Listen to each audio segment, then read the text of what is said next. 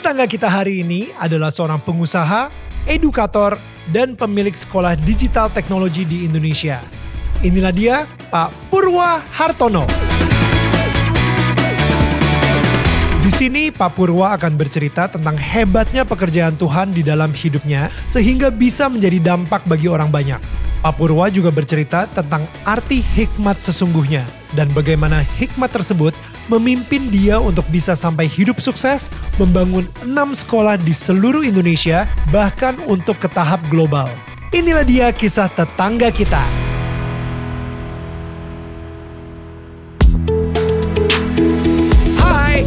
Gua Daniel, tetangga kamu. Di sini gua akan ngobrol dengan tetangga gua tentang perjalanan hidup mereka dari kacamata spiritual di saat mereka mengalami situasi tidak pasti dan kekhawatiran sampai bisa kembali bangkit menjadi orang yang lebih kuat dari sebelumnya. It's gonna be very exclusive and inspiring. Hai semua tetangga yang gue sayangin dan gue cintain Kembali lagi di Daniel Tetangga Kamu Dan guys seperti biasa gue pengen ingetin aja Kalau misalnya kalian pengen menjadi bagian dari tribe kita Dan kalian pengen banget support kita Well jangan lupa untuk beli official merchandise kita dan seperti yang gue pakai sekarang ini, yo, ini ada logo Daniel tetangga kamunya. Dan kalian bisa langsung dapetin di sini tinggal cek aja QR code yang ada di sini atau kalian bisa langsung ke official shop kita di Tokopedia tinggal search aja DMN official merch. Nah, ada sebuah kabar gembira lagi buat kalian karena sekarang ini kita akan membagikan 5 beasiswa yang value-nya itu ratusan juta guys. Beneran dan ini kita pengen ngebagiannya gratis untuk 5 orang tetangga kita yang mungkin tertarik untuk belajar soal digital atau teknologi.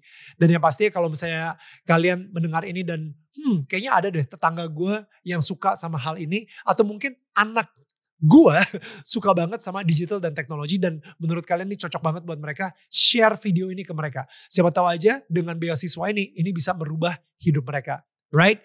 Nah kalau gitu kita langsung ngobrol aja sama yang punya sekolah. Uh, beliau ini adalah seseorang yang sangat luar biasa banget dan ini sebuah kehormatan buat kita bisa kedatangan beliau. Ini dia Bapak Purwa Hartono, CEO and founder of Purwadika Digital Technology School. Hai Pak Purwa. Hai Daniel. It is such an honor uh, untuk Pak Purwa bisa ada di sini sekarang ini. Sama-sama. Thank you so much uh, for your time. Thank you so much. Um, kita bisa ngobrol dan seperti tadi saya bilang Pak Purwa, saya ngerasa saya bakal banyak sekali belajar dari Pak Purwa dan mudah-mudahan tetangga-tetangga kita pun juga sebisa mungkin um, mulai ngeluarin notesnya, cie notes. Dan mulai menulis gitu ya. Tapi Pak Purwa, um, ini kita saya sebenarnya pengen pengen ngobrol mungkin seperti biasa dari awalnya sendiri dari origin storynya Pak Purwa sendiri. Katanya yeah. ini kan Pak Purwa sekarang udah mendirikan sekolah itu udah waduh udah berapa sekarang? 33 udah, tahun ya. Udah 33 tahun yang lalu yeah. dan sekarang ini udah ada 6 no yang di Batam ini udah keberapa berarti? Uh, kita yang di Batam yang ketiga. Yang kan ketiga, kita sorry. ada di Jakarta di eh, pertama kan di BSD, terus BSD. di Jakarta Batam. Ya. Terus kita di Bandung. Aha Jogja, Surabaya. Uh, wow. Ya, itu berarti ada berapa jadinya? Ada enam. Ada enam ya semua ya, bener ya. Nah, itu ada enam sekolah. Tapi yang saya dengar, justru di masa kecilnya Pak Purwa itu ternyata Pak Purwa itu bandel banget dan dan malah nggak nggak nggak suka sekolah mungkin. Eh, boleh ceritain sedikit nggak sih? Iya iya iya. Gede di mana Pak Purwa? Jadi saya lahir kan di Bogor. Oke. Okay. Saya besar sampai 14 tahun di Bogor. Jadi uh, waktu itu papa saya akhirnya merantau ke Jakarta sejak hmm. saya kecil. Uh, usahanya di bidang emas ya, okay. perhiasan emas. Jadi saya terus terang kesepian mungkin hmm. karena juga tidak ada orang tua yang mengontrol hmm. ya. Jadi ya sepat jadi lepas kendali gitu ya. uh, saya bandel uh, walaupun sekolah saya di sekolah Katolik ya yang hmm. ternama tapi rapor saya semuanya merah. Hmm. Hanya satu yang biru. Apa yaitu itu? olahraga. Nilainya sembilan. Karena memang wow. saya hobinya olahraga. Oke. Okay. Gitu. Tapi kalau sekolah kerjanya cuma gangguin guru aja. Sering bolos gitu. Pokoknya bandel deh. Ya, ya, ya. Sampai akhirnya papa saya ajak saya keluar. Hmm. Diajak keliling Asia saya waktu itu selama tiga bulan. Hmm. Nah akibat dari keliling Asia itu saya jadi terbuka pikiran. Hmm. Jadi sadar. Sorry Pak Purwa, ini saya agak-agak Hmm. mundur sedikit ya. Ini kecepatan nih kayak ceritanya nih ya. Cuman kalau misalnya boleh tahu, ini kan katanya sering bolos, em, bandel banget di sekolah. Emangnya sebandel apa sih? Eh, saya terus terang kalau boleh bandel ya, saya merokok. Hmm. Saya kalau minum juga tapi sejauh minum bir. Eh, ini ini saya ada batasan. masih SMP nih ya, masih. Ini eh, saya belajar merokok dari SD. oh, oh, oh, oh. Iya, dari SD kelas 6. Tapi bandelnya saya itu kayaknya terbatas gitu. Berantem. Eh, merokok tapi tidak sampai isap ganja. ya. Eh, minuman keras hanya sejauh bir, Hmm. tidak minum yang lebih berat Hmm. gitu ya. Kalau bandel pun bandel cowok, bukan Hmm. bandel dengan wanita. Oh, oke gitu. oke oke. Nah, saya memang hobi banget terutama kayak bela diri. Hmm. Jadi terus terang saya belajar banyak bela diri seperti di Bogor itu yang terkenal ada perkumpulan Bangau Putih. Hmm. Saya menjadi murid dari murid pertamanya guru besar. Hmm, Wow. Jadi khusus private gitu ya. Hmm. Dan terus terang memang somehow banyak guru dulu aja ya guru silat banyak yang suka sama saya gitu kurang lebih. Saya juga jago main biliar pak. Oke. Sampai juga juara-juara biliar juga suka mau jadiin saya murid. Saya nggak tahu kenapa. Oh wow. Sampai saya nanti kuliah di Amerika pun demikian. Oh wow. Banyak dosen-dosen saya Hmm. yang sangat suka sama saya gitu. Oke. Dengan oke. prestasi yang ada. Tapi em, oh jadi jadi sering berantem juga tuh waktu karena Saya- kan bisa silat. Jadi kalau sehubungan dengan berantem, saya berantem sampai saya tiap hari sempat sekolah bawa belati. wow. Eh, tapi somehow saya nggak tega melukai orang. Oke. Jadi kalau saya berantem asal misalkan kaki saya saya tahan ya pas tak di muka dia gitu kan Uh. atau di tangan. Tapi saya nggak melukai. Oh wow. Nah nggak tega lah. Ibaratnya. iya, iya. Cukup begitu aja. Iya iya iya iya. Tapi ceritanya gimana? Ini ini dari dari yang tadinya suka berantem, habis itu well berantemnya juga nggak nyakitin orang, em, Iya. habis itu suka bolos sekolah dan lain-lain sampai akhirnya em, tiba-tiba sekarang udah mempunyai kepercayaan atau iman sama Iya, Tuhan nah itu tadi saya gitu. bilang kan saya ditarik sama papa saya keluar. eh, kita keliling Asia tiga bulan. Ke mana aja sih Asia? Ya seluruh Asia lah, katakanlah eh, Singapura sudah pasti, Malaysia, Hmm. Korea, Jepang, Taiwan. Sekolahan jadi bolos tuh selama tiga bulan. Udah berhenti. Habis daripada bandel, saya juga sekolah hampir nggak naik kelas lah kalau boleh dibilang ya. Iya sih. Rapot soalnya merah semua Iya ya. udah merah semua, udah lebih baik keluar aja deh.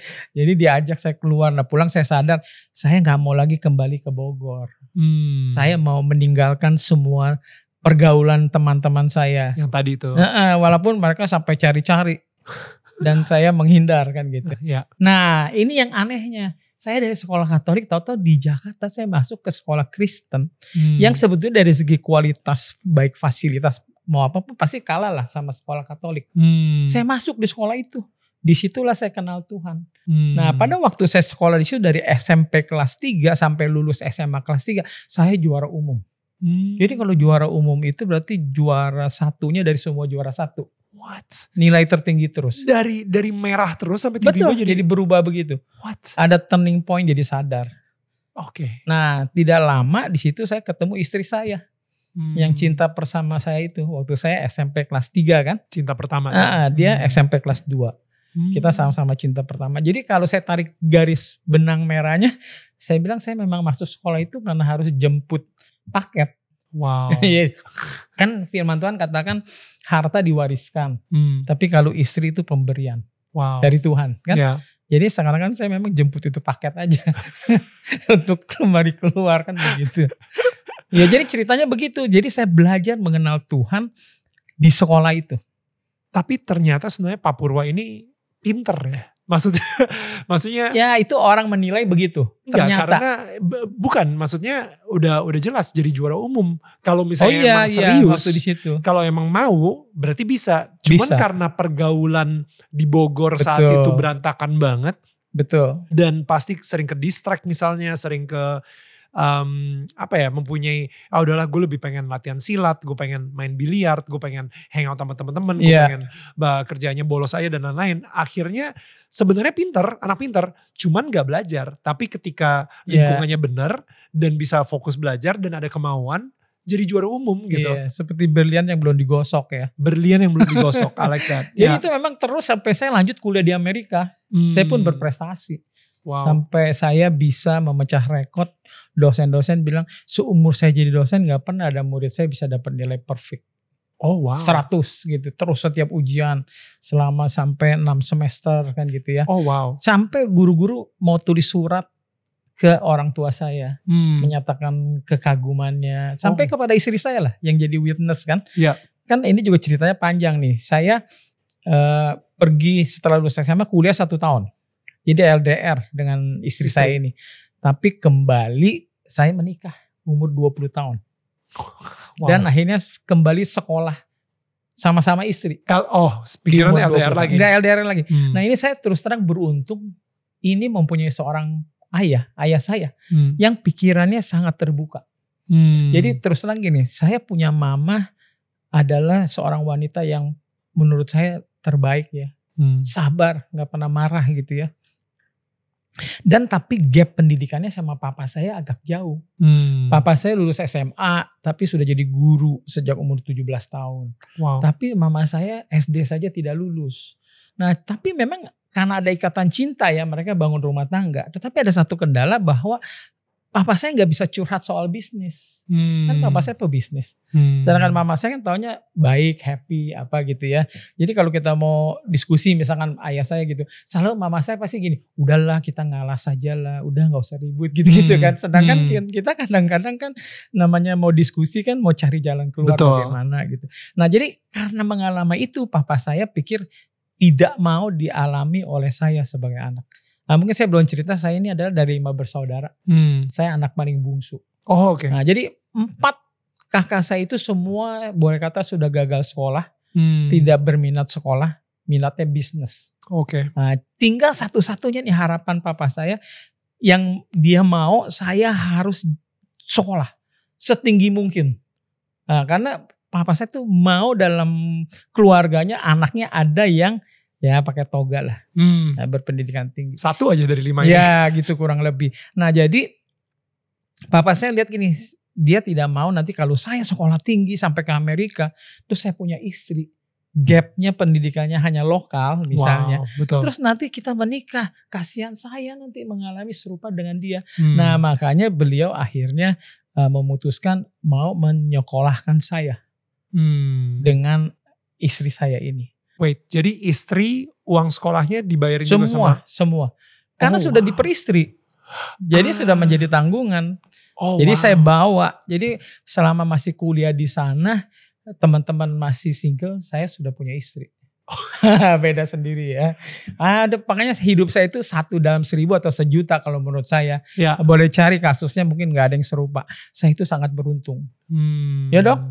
Belum belum cari duit, belum mandiri segala macam kan. Hmm. Nah, papa saya juga waktu itu keputusannya ditentang keras oleh paman saya semua. Hmm. Dia anggap tidak bijaksana. Sangat tidak bijaksana. Anakmu baru umur 19 tahun. Oh iya. Hmm. baru mulai kuliah, Hmm. dinikahkan, Hmm. nanti gimana bisa konsentrasi? Hmm. Nanti cita-citanya nggak tercapai. Hmm. Tapi papa saya bilang dia kenal saya. Nah kebetulan saya orang yang sudah serba mandiri kan. Bayangkan 14 tahun seperti dilepas di hutan. Ya. Makan cari sendiri, urus sendiri, masa bodoh kan gitu. Jadi terbiasa independen. Hmm. Jadi waktu saya juga buktikan di SMP sampai SMA jadi juara umum, ayah saya tambah percaya. Ditambah lagi ini juga penting peranan istri saya. Mungkin kalau nanti udah ketemu istri saya oh, bisa lihat orang tua, wah ini orangnya anggun, lembut, baik, bisa dipercaya Hmm. bahwa ini akan menjadi satu supporting Ya. yang penting buat saya punya kehidupan. Wow. Nah, maka ini cerita lucu. Eh, Kalau saya boleh cerita, papa saya panggil saya Hmm. sebelum keputusan mau disekolahkan, dinikah. Hmm. Dipanggil di rumah, saya bicara berdua, lalu papa saya begini, gini saya mau tanya, bagaimana perasaan kamu terhadap Istri. pacar saya itu, Ah ya ya. kekasihmu. Terus saya jawab, karena kan papa saya orang Bogor, Hmm. jadi di Bogor tuh terkenal asinan. Hmm. Gitu? Hmm. Jadi saya kasih ilustrasi, saya bilang ibarat bangkuang, tahu kan bangkuang? Ya. Kalau sudah direndam cuka, Ya. sudah asam, lalu bangkuang itu kita taruh di sungai, dialirkan air, asamnya tidak akan hilang. Jadi saya bilang begitulah cinta saya sama pacar saya ini. Jadi makanya papa saya langsung sekali jawab tembak langsung. Oh, Oke kalau gitu, Ah, begini nanti papa mau sekolahkan kamu sama-sama. Jadi Wow. kamu pergi dulu satu tahun pertama. Wow. Nah itu. Jadi saya pergi satu tahun pertama terus kembali kita menikah tuh. uh, hanya uh, surat apa sih? Ya, Uh, sipil. uh, sipil sama pemberkatan di gereja. Ya. Tapi kita belum pesta Pestain. nikah. Sampai sekarang udah dipestain belum? Udah. Udah dipestain. Jadi kita pestanya setelah saya lulus S1. Oh iya iya. Nah, jadi kan itu kan saya menikah tahun 1983. Hmm. Terus sama-sama kembali kuliah tahun 1985 saya lulus S1, balik kita pesta pernikahan. Saya Baru balik lagi juga ambil S2. oh langsung oke. Iya. Saya penasaran nih Pak Purwa. Banyak orang gitu yang yang eh, teman-teman di circle saya khususnya yang bilang ah gue nggak mau nikah sebelum gue punya rumah, gue punya pekerjaan yang tetap, gue punya em, edukasi yang bagus, gue gue bisa ngebiayain istri gue dan anak gue. Jadi akhirnya dia nahan terus gitu. Itu tapi dalam kasusnya Pak Purwo ini beda banget. Justru belum punya rumah, belum punya eh, pekerjaan tetap, nggak tahu gimana cara nafkahin istri, em, malah masih sekolah lagi, udah menikah gitu. Nah, saya penasaran aja mindsetnya sebenarnya yang benar tuh ke mana dan kalau dari pengalaman Pak Purwa, Oke. apakah formula yang ayah dari Pak Purwa ini berikan ke Pak Purwa itu benar gitu? Iya, iya. Jadi gini, eh, saya selalu percaya gini, ada tiga hal dalam hidup kita yang kita tidak bisa atur, tidak punya kendali. Pertama kelahiran. Hmm. Saya nggak bisa atur, saya lahir tanggal sekian dong. Hmm. Lahir dari bangsa ini dong, nggak bisa. Yang kedua adalah pernikahan. Hmm. Yang ketiga adalah kematian. Hmm. Jadi bukan saya punya mau. Hmm. Kenapa bisa nikah semudah itu? Belum tentu bisa ditiru. Betul ya? Betul. Dan juga ini bukan satu kebetulan. Kalau saya percaya yang namanya tuai tabur. Oke. Jadi kalau bukan karena baiknya saya punya disiplin dalam hidup waktu remaja, Ya. di mana saya bisa jadi juara umum, Ya. dan kalau bukan juga istri saya punya karakter yang benar, nggak mungkin dipercaya, Ya. nggak bakalan kita akan dinikahkan semudah itu, Hmm. gitu ya. Hmm. Nah, jadi eh, itu memang satu di luar rencana, Hmm. Nah, itu sudah terjadi. Nah, tinggal pertanyaannya, kapan sih kita siap menikah? Ya. Saya nggak percaya siap menikah umur berapa, karena ada orang sudah umurnya tua, belum tentu siap. Hmm. Ya tah? Ya. Jadi kalau saya lihat kesiapan menikah adalah kalau kita sudah siap mencintai orang lain selain diri. Bisa nggak? Karena banyak orang yang masih egois, Ya. udah menikah, akhirnya berantem. Ya. Kan Ya. gitu. Nah jadi, nah, terus kedua masalah pencarian nafkah Hmm. ya toh? nafkah kan bisa dicari dan wanita itu penting banget memberikan semangat dukungan supaya kita bisa berkarir dan sukses. Hmm. Nah jadi waktu saya di Amerika walaupun memang biaya sekolah dari orang tua betul. tapi saya juga kerja Hmm. saya jadi asisten dosen Hmm. ngajar saya juga ngajar privat eh, orang-orang dari Arab yang kaya-kaya saya kasih privat Hmm. karena mereka agak sulit dalam pelajaran Hmm. Nah itu lumayan saya dapat uang bisa 40 dolar, 70 dolar per jam. Wow. Itu zaman tahun 80 berapa itu. Hmm. Ya kan saya kuliah itu 83 lah, 82 sampai 85 Hmm. terus sampai 87. Jadi ya kembali lagi mungkin orang tua saya memaklumi dong. Toh orang tua saya punya keputusan. Dan bagaimana saya mau eh, berkarir cari uang? Kan saya harus kuliah dan Hmm. papa saya tujuannya adalah kamu harus selesaikan kuliah kamu.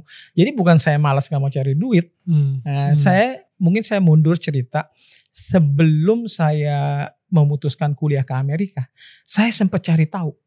Saya mau apa? Dulu saya mau jadi ini loh, musisi, komposer. Hmm. Nanti saya cerita, saya Oh. juga ada cipta lagu ya. Hmm. Eh, mau sekolah musik. Terus sempat juga mau jadi sekolah jadi dokter. Dokter kandungan ya gitu ya. Wow. Tapi somehow semuanya tuh eh, batal. Begitu saya jatuh cinta sama komputer. Ah. Nah, jadi waktu saya sudah putuskan saya mau kuliah komputer, saya cari tahu negara mana. Wah, Amerika yang paling top. Hmm. Gak salah pilih. Ya. Nah, saya sempat kursus. Tapi dulu belum ada kursus yang biasa-biasa. Saya kursus pakai komputer besar, mini komputer. Hmm. Itu di pusat informatika kepunyaan Pak Rudi Pesik. Hmm. ya. Yang punya DHL atau apa sekarang. Hmm. Saya belajar di situ. Dan saya sudah ditawarkan kerja Pak. Wow. Dengan gaji 500 ribu per bulan. Uangnya besar itu. What? Tahun sebelum 80. Oke. Di satu grup besar. Hmm. Tapi papa saya nggak kasih. Nggak bisa, kamu harus kuliah. Jadi Wow. maksud saya, saya cuma mau mengklarifikasi. Bahkan ini ya, eh, istri saya punya orang tua, punya nenek apa, bisa bilang gini, saudara Purwa itu walaupun masih muda tapi sudah matang. Hmm. Nah, untung tuanya nggak busuk. jadi memang kematangan seseorang itu nggak bisa lihat dari umur. Hmm. Nah, jadi mungkin orang tua saya lihat dia percaya akhirnya saya dinikahkan walaupun muda karena misinya beda. Hmm. Memang saya harus lulus dengan berprestasi. Hmm. Itu tanggung jawab saya. Ya. Bukan bawa pulang uang sama orang tua, bawa gelar lulus. kan gitu. Ya betul. Jadi memang special mission lah. Ya. Nah, Ya. nggak bisa disamakan gitu. Em, balik lagi ngomongin soal pernikahan gitu ya. Saya ngerasain banget bahwa kesuksesan Pak Purwa hari ini itu karena istri. Em, Iya besar sekali. besar pengaruh. sekali ya. Nah, jadi dan apalagi di awal juga merintis eh, bisnis juga bareng-bareng mungkin. Em, Ya istri ada ikut. Ketika Pak Purwa lagi ngasih ngeles ke anak-anak atau misalnya kerja di Amerika, istri sendiri juga ada di situ, tahu Ya, banget Betul. su- sulit-sulitnya, susah-susahnya, dan terus em, bersandingan atau berdampingan terus sama eh, Pak Purwa juga gitu. Nah, em, itu kan maksudnya salah satu keuntungan untuk nikah muda dan kadang-kadang kalau misalnya kita belum punya kerjaan, kita belum punya rumah, kita belum punya apa-apa, tapi kita udah nikah dan berdampingan sama seseorang yang kita bisa ajak susah bareng, is, isn't that an advantage gitu? Pasti jelas. Kalau saya boleh bilang eh, maaf saja ya bukan menyombongkan diri saya manusia paling beruntung kali ya Hmm. di bumi ini. Kalau banyak orang yang sudah dengar kisah saya, mana mungkin masih muda belum bisa cari uang udah dinikahkan, dapat istri cantik lagi kan, baik segala macam. Bagaimana teman-teman saya juga pada cemburu sana. Dan mereka nggak mungkin dapat privilege yang sama kalau minta kawin gitu ya. Pasti orang tuanya apa-apaan kamu kan gitu. Ya. Tapi saya tanpa minta orang tua saya mempunyai ide itu sendiri. Wow. Jadi that's uh, satu privilege lah ya. Itu berkat Tuhan lah. Ya. Kalau menurut saya kembali lagi ada Tuhan di balik semua itu. Bagaimana cerita pertama ketika membuat sekolahan pertama? Gitu dulu. Oke. Jadi kan tadi saya udah bilang saya punya apa ya cita-cita keinginan buka sekolah itu sudah ada sejak di bangku sekolah SMP tadi SMA. Hmm. Sudah cita-cita saya. Saya mau kuliah, belajar ke luar negeri dan saya mau kembali dan bangun universitas. Ini secara Oh. secara exact ya. Ya. Sampai sebenarnya ayah saya sudah menyediakan tanah, sampai sekarang tanahnya masih ada, Wow. eh, tapi batal Oke. karena idealisme saya yang saya lihat tidak mungkin saya merintis universitas di Indonesia ini.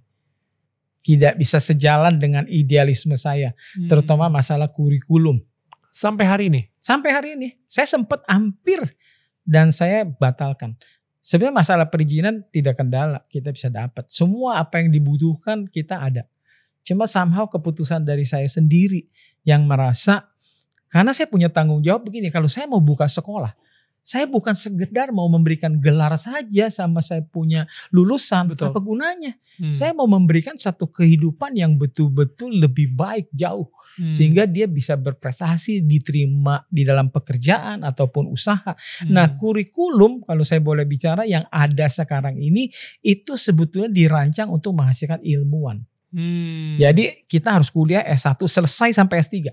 Hmm. Kalau di tengah akan sia-sia. Hmm. Jadi ujung-ujungnya kita akan menjadi peneliti. Karena Hmm. terus terang ilmu yang diajari kayak saya belajar di komputer. Kita belajar sudah prosesor sudah ratusan ribu.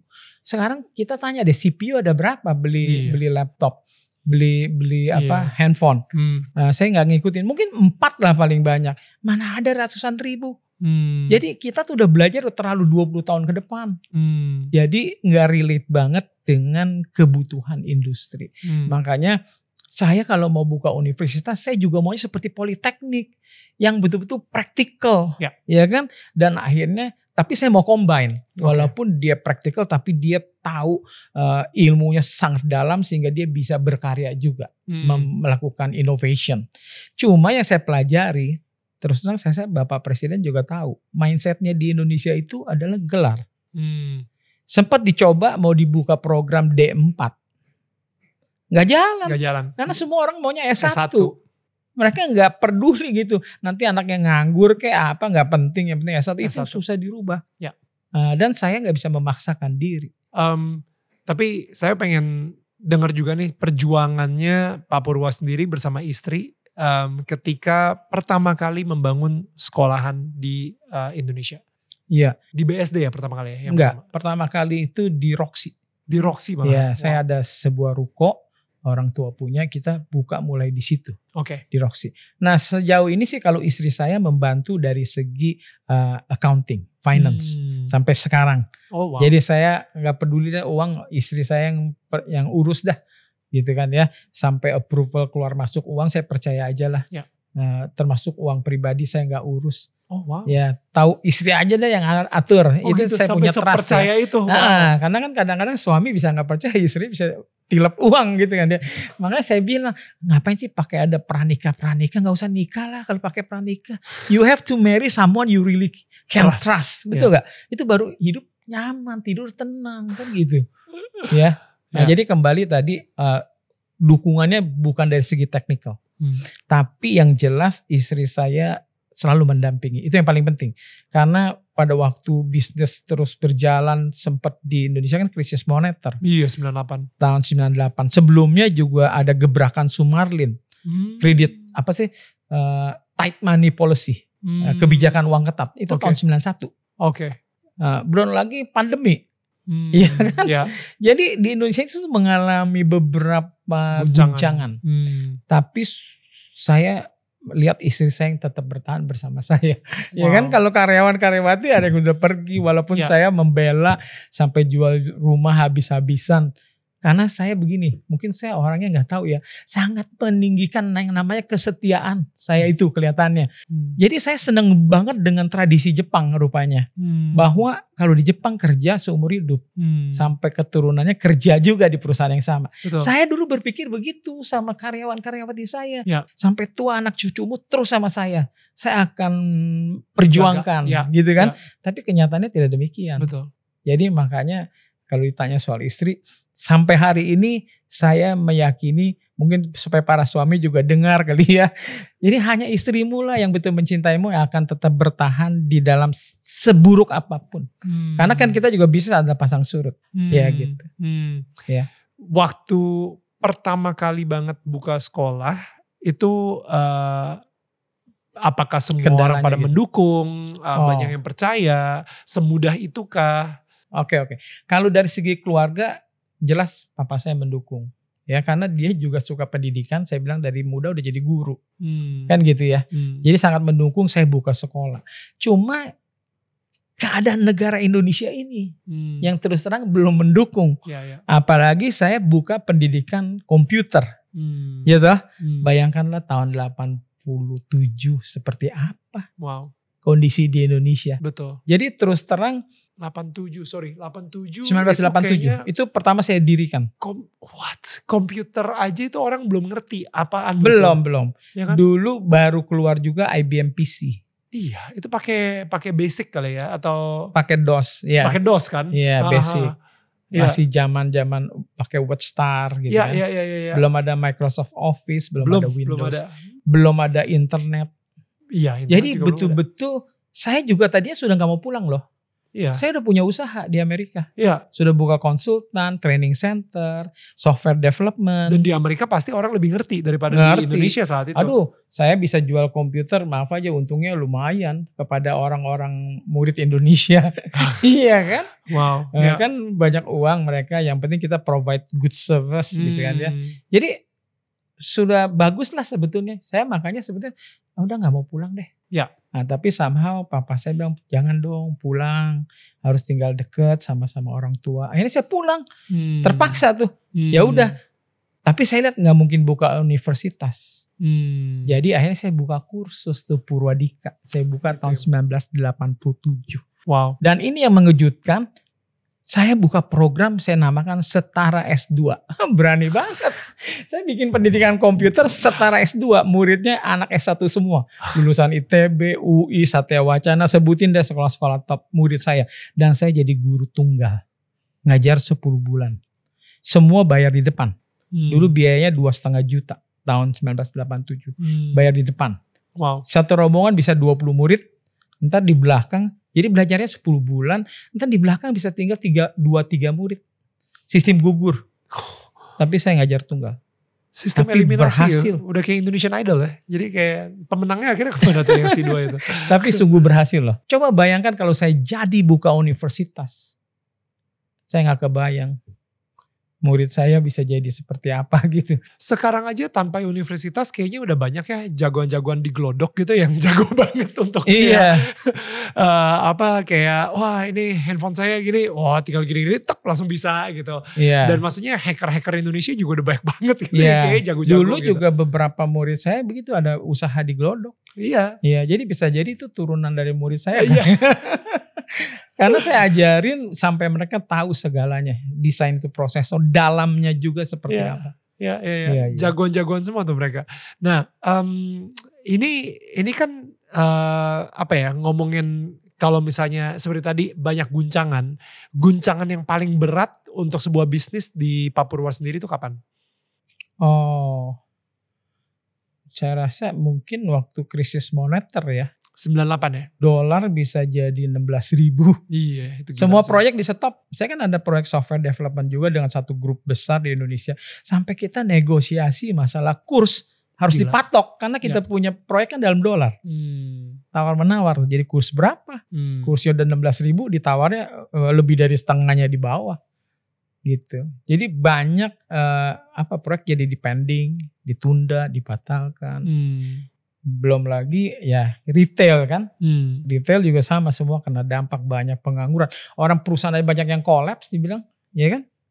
Ya. How was it for you? Maksudnya em, saya pengen coba kembali ke momen di tahun 98 tersebut. eh, di mana lagi Krismon em, Papurwa sendiri dengan istri kondisinya saat itu udah punya anak by the way. Saya punya anak pertama itu tahun 88. Berarti ini udah dua, dua tiga anak mungkin. 98 saya udah anak udah empat karena anak Udah yang empat. keempat lahir tahun 97. Oke, wow. Iya. Anak baru lahir belum nyampe setahun tuh yang keempat. Hmm. Em, dan habis itu mendadak bisnis banyak yang collapse. How was how was it for you? Maksudnya pasti banyak ketakutan juga, eh, kekhawatiran juga.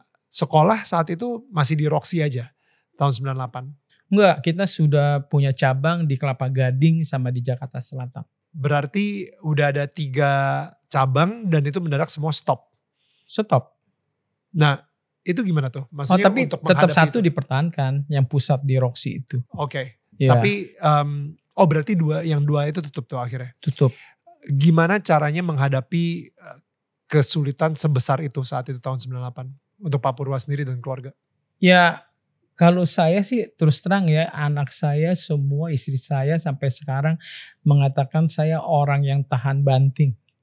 Orang yang nggak mudah terpengaruh oleh keadaan. Jadi buat saya ya namanya kesusahan ya jalanin aja. Segala sesuatu kita tidak bisa hindari kan. Jadi jangan sampai kesusahan itu menghancurkan kita punya mental dan kepercayaan. Walaupun mungkin istri dan anak-anak sudah sempat pikir gini, udahlah kerja aja. Karena kalau saya kerja juga pasti saya posisinya bagus, gaji dan besar. Karena waktu di Amerika aja saya sebelum pulang ditawarkan kerja di perusahaan-perusahaan besar. Karena begini, saya punya ilmu itu kan eh, belajar hardware dan software. Saya master computer engineering dan computer science. Dan kalau semua desain barang apa pun mengandung hardware dan software. Jadi perlu kepala proyek yang menguasai dua-duanya. Hardware dan software. Karena banyak orang suka hardware, takut software. Ya. Suka software, takut hardware. Jadi Betul. sebetulnya saya eh, sudah punya potensi kalau mau bekerja. Tapi kan saya tidak.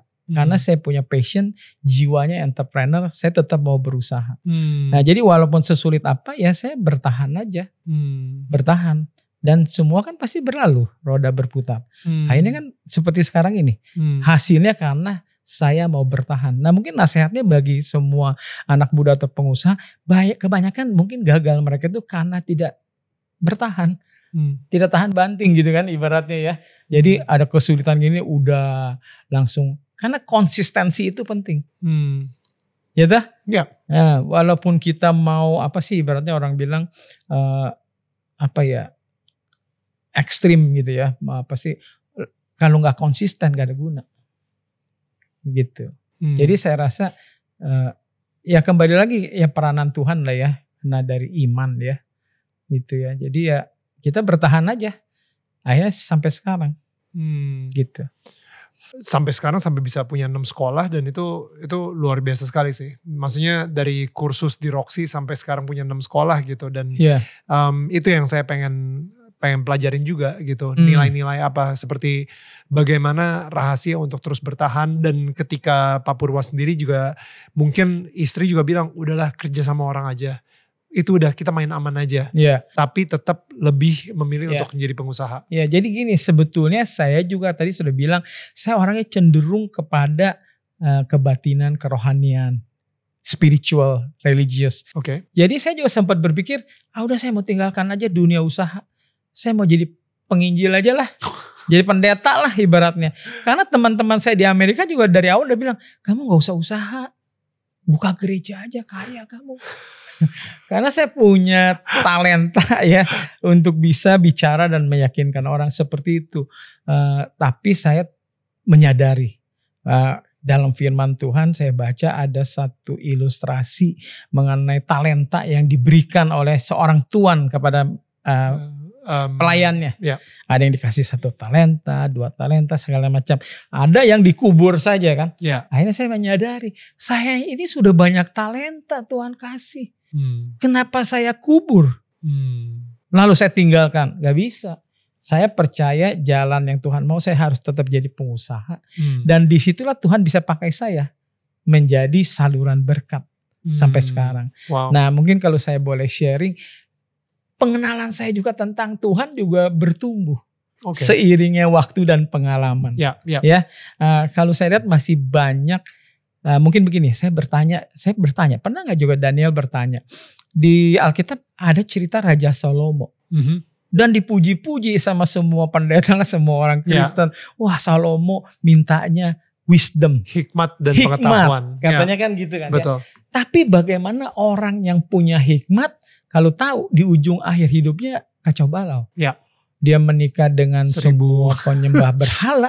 Ya. Dia bangunkan kuil dan Ya. patung-patung berhala. Bahkan dia ikut sembayang kepada patung itu. betul Saya nggak habis pikir, saya bertanya terus bagaimana seorang yang berhikmat bisa serendah itu. hmm, Saya rasa saya nggak berhikmat pun nggak mungkin sejauh itu. hmm. Sampai saya bangun patung, saya sembah-sembah kan begitu. That's Kalau good. setelah saya tahu kebenaran ya. Ya. Tapi saya baru mengerti Hmm. apa itu hikmat. Jadi hikmat itu bukan sesuatu seperti benda yang kita minta sama Tuhan, lalu Tuhan kasih. Ber, Hmm. hikmatnya dapat, terus sudah nggak perlu lagi Tuhan. Kan Hmm. begitu berarti. Ya, ya, ya. Tapi rupanya arti hikmat itu bukan itu. Hikmat atau wisdom itu adalah sesuatu yang disalurkan secara continuous, seperti Hmm. listrik. Jadi Ya. kalau kita mau samakan listrik dengan hikmat, lampu akan mati kalau nggak ada lagi kabel nyambung ke sumber listrik. Sumber listrik. Nah, Ya. makanya bagaimana Salomo bisa serendah itu? Hmm. Karena kabel listriknya udah putus. wow. Jadi sudah tidak ada hikmat waktu itu Ya. uh, kehidupan Salomo. Ya. Nah, ini yang perlu disadari bahwa kita perlu terhubung secara continuous dengan Tuhan So good. untuk memperoleh hikmat. Ya. Ya. Jadi ini yang mungkin ya ini rahasia saya saya sharing uh, kenapa bisa sukses karena saya mengerti konsep itu. So Jadi good. mulai dari situ saya tidak mau lepas terhubung sama Tuhan. Hmm. Setiap hari apa pun yang saya mau lakukan saya putuskan saya minta hikmat. Hmm. Jadi itulah pengertian hikmat. Banyak orang kan enggak Hmm. sombong, Hmm. eh, biasanya enggak tanya Tuhan dulu. Setelah masalah baru Tuhan kok begini ya. Ya. Eh, bahkan bisa menyalahkan Tuhan kan gitu. Ya. Itu karena salah di kita dari awalnya. Kenapa kita tidak melibatkan Tuhan dari awalnya? Ini pesan saya bagi Wow. kita semua orang yang beriman Hmm. Harus serahkan kepada Tuhan dari awal. Ya. Jadi thinkernya itu semua adalah sebenarnya Tuhan. Wow. Termasuk kalau saya boleh sharing masalah buka 6 cabang ini. Hmm. Sebetulnya saya rencananya 8 cabang. Oke. Tapi dua jadi tidak keburu ya. Saya nggak tahu tahun depan. Jadi gimana sampai bisa buka uh, 6 cabang? Karena begini. Pemikiran manusia secara logis dengan adanya internet online. Orang pasti pikir gini. Lebih bagus buka training online. Ya. Itu udah pasti menguntungkan. Walaupun kita ada training online kan. Hmm. Karena online kita nggak perlu tempat. Dan peserta bisa bahkan dari seluruh dunia. Hmm. Kan begitu. Hmm. Tapi Tuhan bicara beda kan. Hmm. Nah hikmat Tuhan ini saya perlu bersaksi bahwa hikmat Tuhan itu bukan seperti magic ya. Hmm. Jadi tebak-tebakan. nggak masuk akal. Enggak. Ya.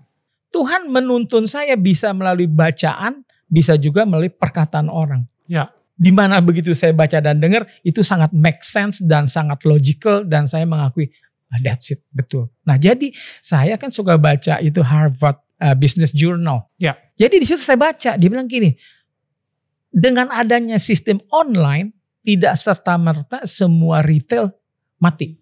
Hmm. Kalau retail untuk barang-barang kebutuhan pokok Hmm. yang mudah lah Hmm. decisionnya untuk membeli itu benar akan Hmm. go online. Hmm. Tapi kalau barang-barang luxury yang Hmm. mewah Hmm. sampai kapan gak bakalan online? Siapa Betul. yang mau beli berlian satu miliar misalnya Hmm. online? Uh bisa kena tipu betul nggak? Betul. Betul-betul perlu ada satu toko Ya. yang representatif dan yang betul-betul apa reputasinya benar. Betul. Saya mah nggak mau itu. Nah jadi di situ ditulis juga bahwa demikian juga pendidikan Hmm. pendidikan sampai kapan pun yang terbaik, the best method adalah face to face. Wow. Ngerti ya? Hmm. Offline, Hmm. on campus, bukan online. Hmm. Apalagi video learning. Iya. Saya menonton video, Iya. ngantung-ngantung ini Iya. nggak bisa bertanya ya. Itu Iya. sangat nggak efektif. Hmm. Karena hikmat itu yang Tuhan kasih. Oke Tuhan, saya akan buka cabang kalau gitu. Tadi kan saya udah nggak pikir buka cabang, ngapain? Udah Hmm. online aja. Online aja semuanya. Udah zaman internet. Hmm. Jadi ya udah Tuhan kasih gambaran buka di sini di sini di sini di sini. Sebenarnya ada enam cabang kita mau buka dalam setahun langsung jebret. Tapi kemarin cuma empat dan berhasil. Wow. Nah makanya saya boleh bersaksi bahwa sekarang hidup saya itu memang diatur Tuhan gitu loh. Ya. Karena saya eh, nggak mau sembarangan. Kalau anak saya juga punya ide gini-gini, sampai tunggu ntar saya doa dulu. Nah, kalau belum datang, saya, saya rasa belum waktunya. That's so good. Gitu ya. That's so good. Jadi itu cabang juga dibuka karena itu. Hmm. Pemikiran kedua nih yang Tuhan kasih. Aduh Purwadika itu biaya pendidikannya mahal. Hmm. Sekarang mau belajar on campus 46 juta. Lebih mahal dari kuliah. Wow. Mahal Oke. biaya pendidikan kita. Jadi dari dulu banyak orang bilang, "Eh, buka dong di Jogja. Jogja kan oh apa sih kota pendidikan. Hmm. Pasti banyak pesertanya kan Hmm. gitu. Hmm. Tapi saya bilang nggak terjangkau biayanya. Kalau saya buka di Jogja 46 juta saya Ya. rasa nggak ada yang daftar. Ya. Kembali lagi Tuhan kasih hikmat. Hikmatnya apa? Kamu lihat pesawat terbang. Satu pesawat terbang ke satu tujuan yang sama dengan maskapai yang bagus sama, tapi kan ada beda kelas. Ada first class, business class, Ya. ekonomi. Ah oke lah Tuhan kalau gitu saya buka different classes. Makanya di Jogja saya buka yang ekonomi class. Ah. Harga jauh lebih murah 19 juta kalau nggak salah. Ah. 20 juta deh ya. Pokoknya setengah lah Ya. dibandingkan Jakarta. Ya. Jadi saya buka dan Wow. ramai berhasil. Wow. Jadi itu metode yang tepat. Ya. Dan terus terang itu juga solusi yang Tuhan kasih sama saya untuk menghadapi kemungkinan krisis. Kan gonjang-ganjing orang bilang 2023 krisis. Nah, mungkin kalau krisis nanti saya punya pasar middle ke atas terpengaruh. Tapi kalau saya juga grab pasar yang middle ke low. bawah, Ya. kan jadi Hmm. subsidi silang. Betul. Dan itu yang benar-benar sangat wise sekali. Maka Ya. itu bekerjanya hikmat. Saya sendiri aja akan terkagum-kagum. Ya. Brilliant banget. Ya. Gitu? Ya. Nah ini ada satu lagi yang baru. Mungkin saya s- hubungan berhubungan ya. Nanti eh, tahun depan kita di Batam akan buka satu model yang namanya Digital Talents Incubator.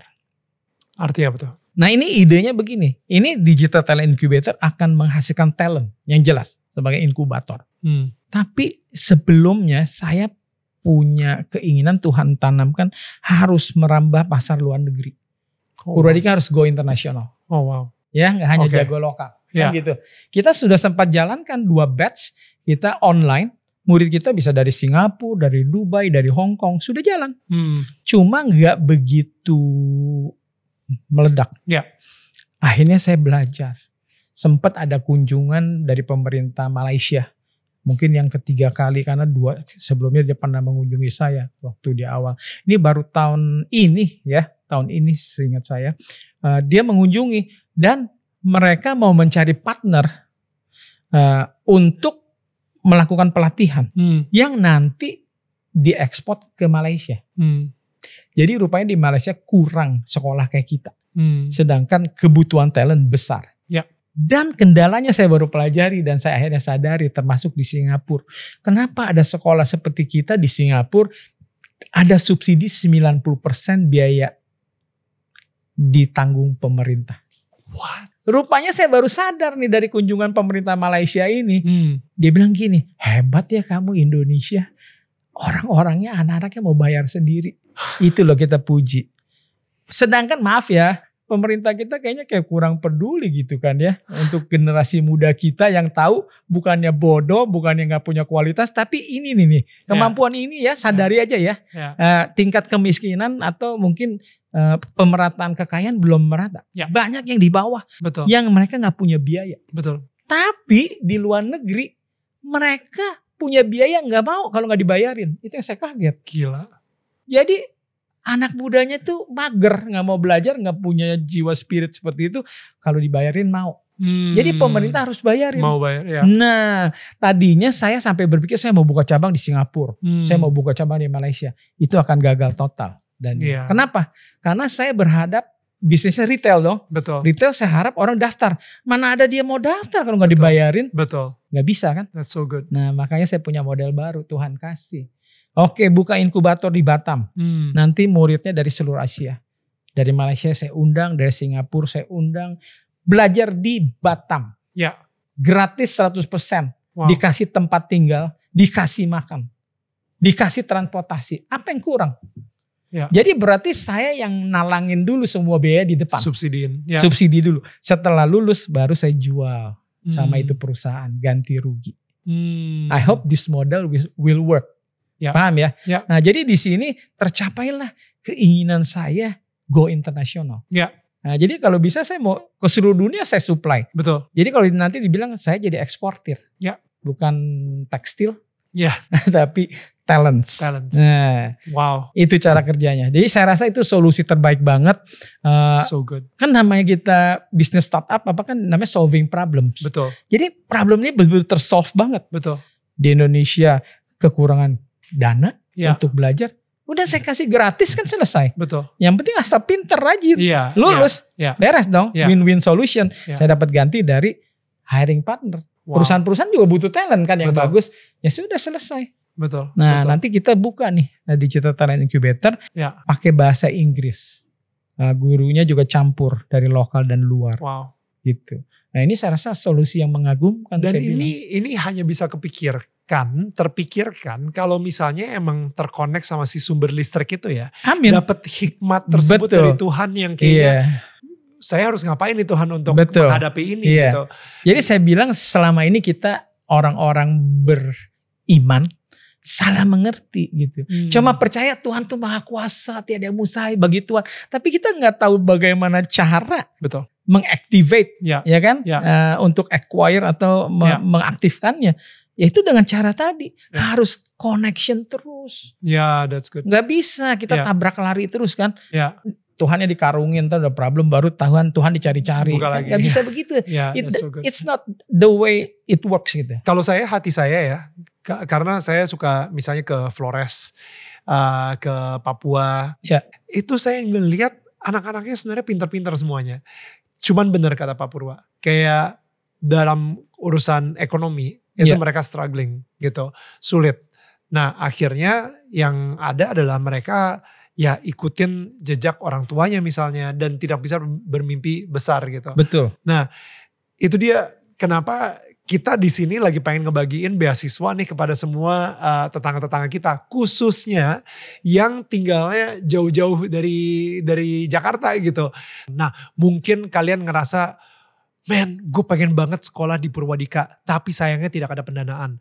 Nah, di sini kita lagi membagikan 5 beasiswa gratis. Ya itu value-nya seperti tadi Pak Purwa juga sempat bilang, sebenarnya mahal banget. Itu bisa ratusan juta. Tapi kita akan memberikannya kepada kalian secara gratis. Caranya gampang banget.